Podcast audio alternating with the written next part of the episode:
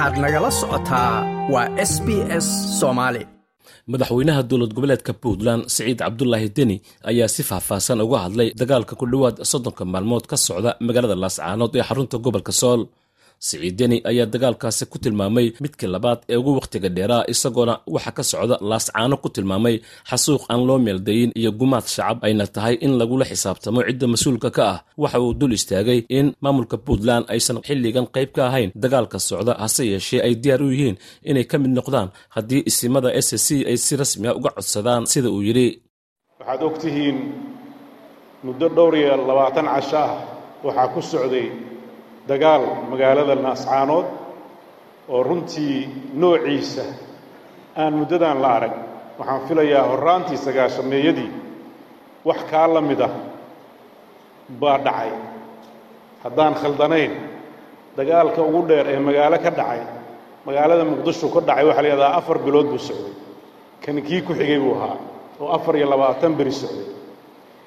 Oo aan loo aabbayeelin wax kasta oo la adeegsan karay la adeegsaday. Hubka noocyadiisa kala duwan kuwa muxaramka ka ah magaalooyinka ee altalariga ah hoobiyaasha waaweyn wax walba oo bulsho meel degan lagu gumaadi karo laguna baabi'in karo. Arrintaas runtii sida annaga marar badan aan ku celcelinnay caalamkan uu sheegay waan xambaaraynaynaa runtiina waan arrintaas waa arrin u baahan xisaabtankeeda wakhtigeeda in laga gaaro waxaan rabaa inaan halka ka caddeeyo.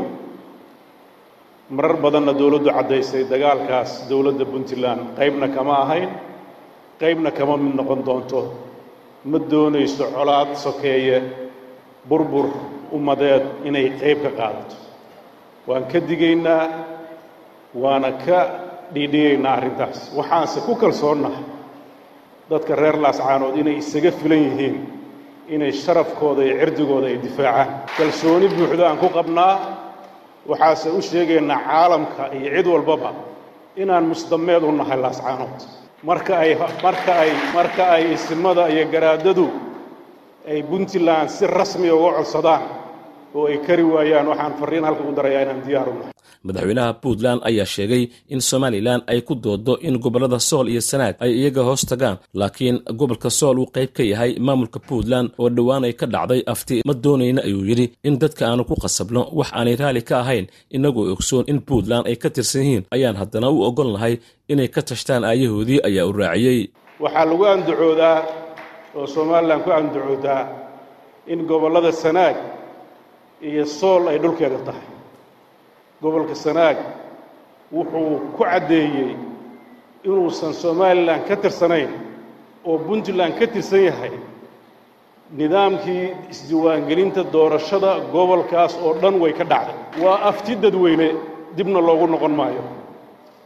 Gobolka sool wuxuu ku caddeeyey in ay ka baxdo somalilan kadibna ay go'aan ka gaarto masiirkeeda.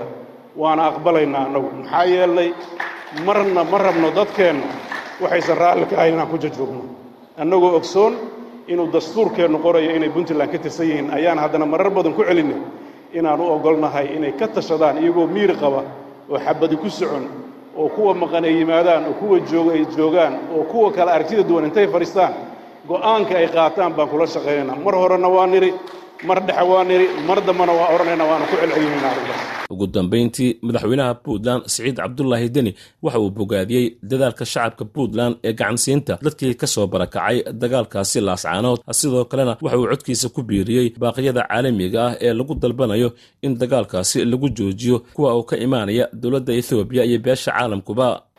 Dad isku beel ah laba maamul haddii ay doonaan waa geli karaan.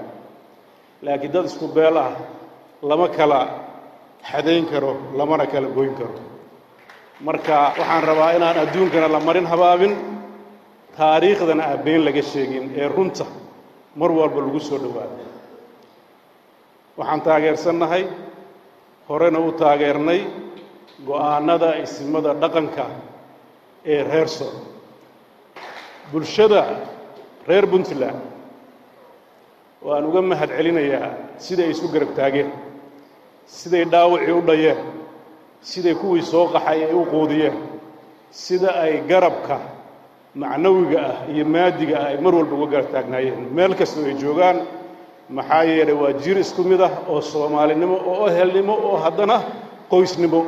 Waajib ay lahaayeen biguteen waana ku mahadsan yihiin waan uga mahad celinayna waxaan sidoo kale uga mahad celinaynaa dadaalka ay dowladda etoobiya waddo ay ku raadinayso dhexdhexaadinta iyo xal oo ugu muhiimsan tahay in xabadda laga daayo degaanada iyo dadka nabdoon la burburin cusbitaallada la waxyeelin guryaha degaanka ah la baabi'in masaajidada. Waxaan rabaa inaan codkayga ku biiriyo codka waxgaradka soomaaliyeed codka gobolka iyo midka caalamiga ah iyo midka qaramada midoobay golihiisa ammaanka qaranka uu soo saaray oo ah in la joojiyo xabadda in garaaca iyo burburka la joojiyo in haddii wax la kala duwan yahay la wada hadlo. Intaas ayaa mowqifka dowladduna yahay mid dhow iyo mid hore.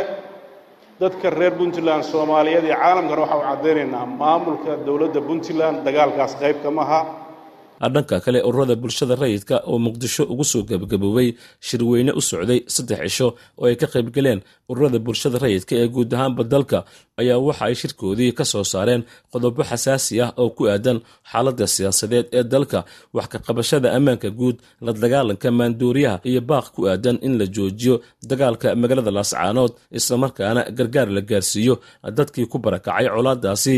Gudoomiyaha ururada bulshada rayidka cismaan muxidiin shaatax ayaa akhriyey qodobadii halkaasi ka soo baxay. Shirweyne waxau isku raacay oo soo jeedinayaa in bulshada rayidka iyo dowladda ay iska kaashadaan la dagaalanka maandooriyaha ku faafaya dalka kaas oo saameyn taban ku yeesh ku leh amniga iyo dhaqanka bulshada. Labo in kor loo qaado aqoonta ciidanka ee dhinacyada ilaalinta xuquuqda aadanaha anshaxa ciidanka ilaalinta sharciga iyo xaqdhowrka bulshada. Saddex in la furo waddooyinka khaasatan kuwa ahamiyadda u leh adeega dadweynaha. Afar bulshada rayidka waxa ay ka digaysaa hadallada xanafta leh ee sababi kara in bulshada u horseedaan amni darro iyo kala qoqob kaas oo ay isticmaalaan siyaasiyiinta qaarkood. Baaq shirweynaha wuxuu ugu baaqayaa dowladda federaalka taabagelinta tala soo jeedinta bulshada rayidka iyo ka dhabeynta hanaanka wada ogol ah kaas oo qeyb ka qaadan kara xasiloonida bulsho dhaqaale iyo mid siyaasadeed.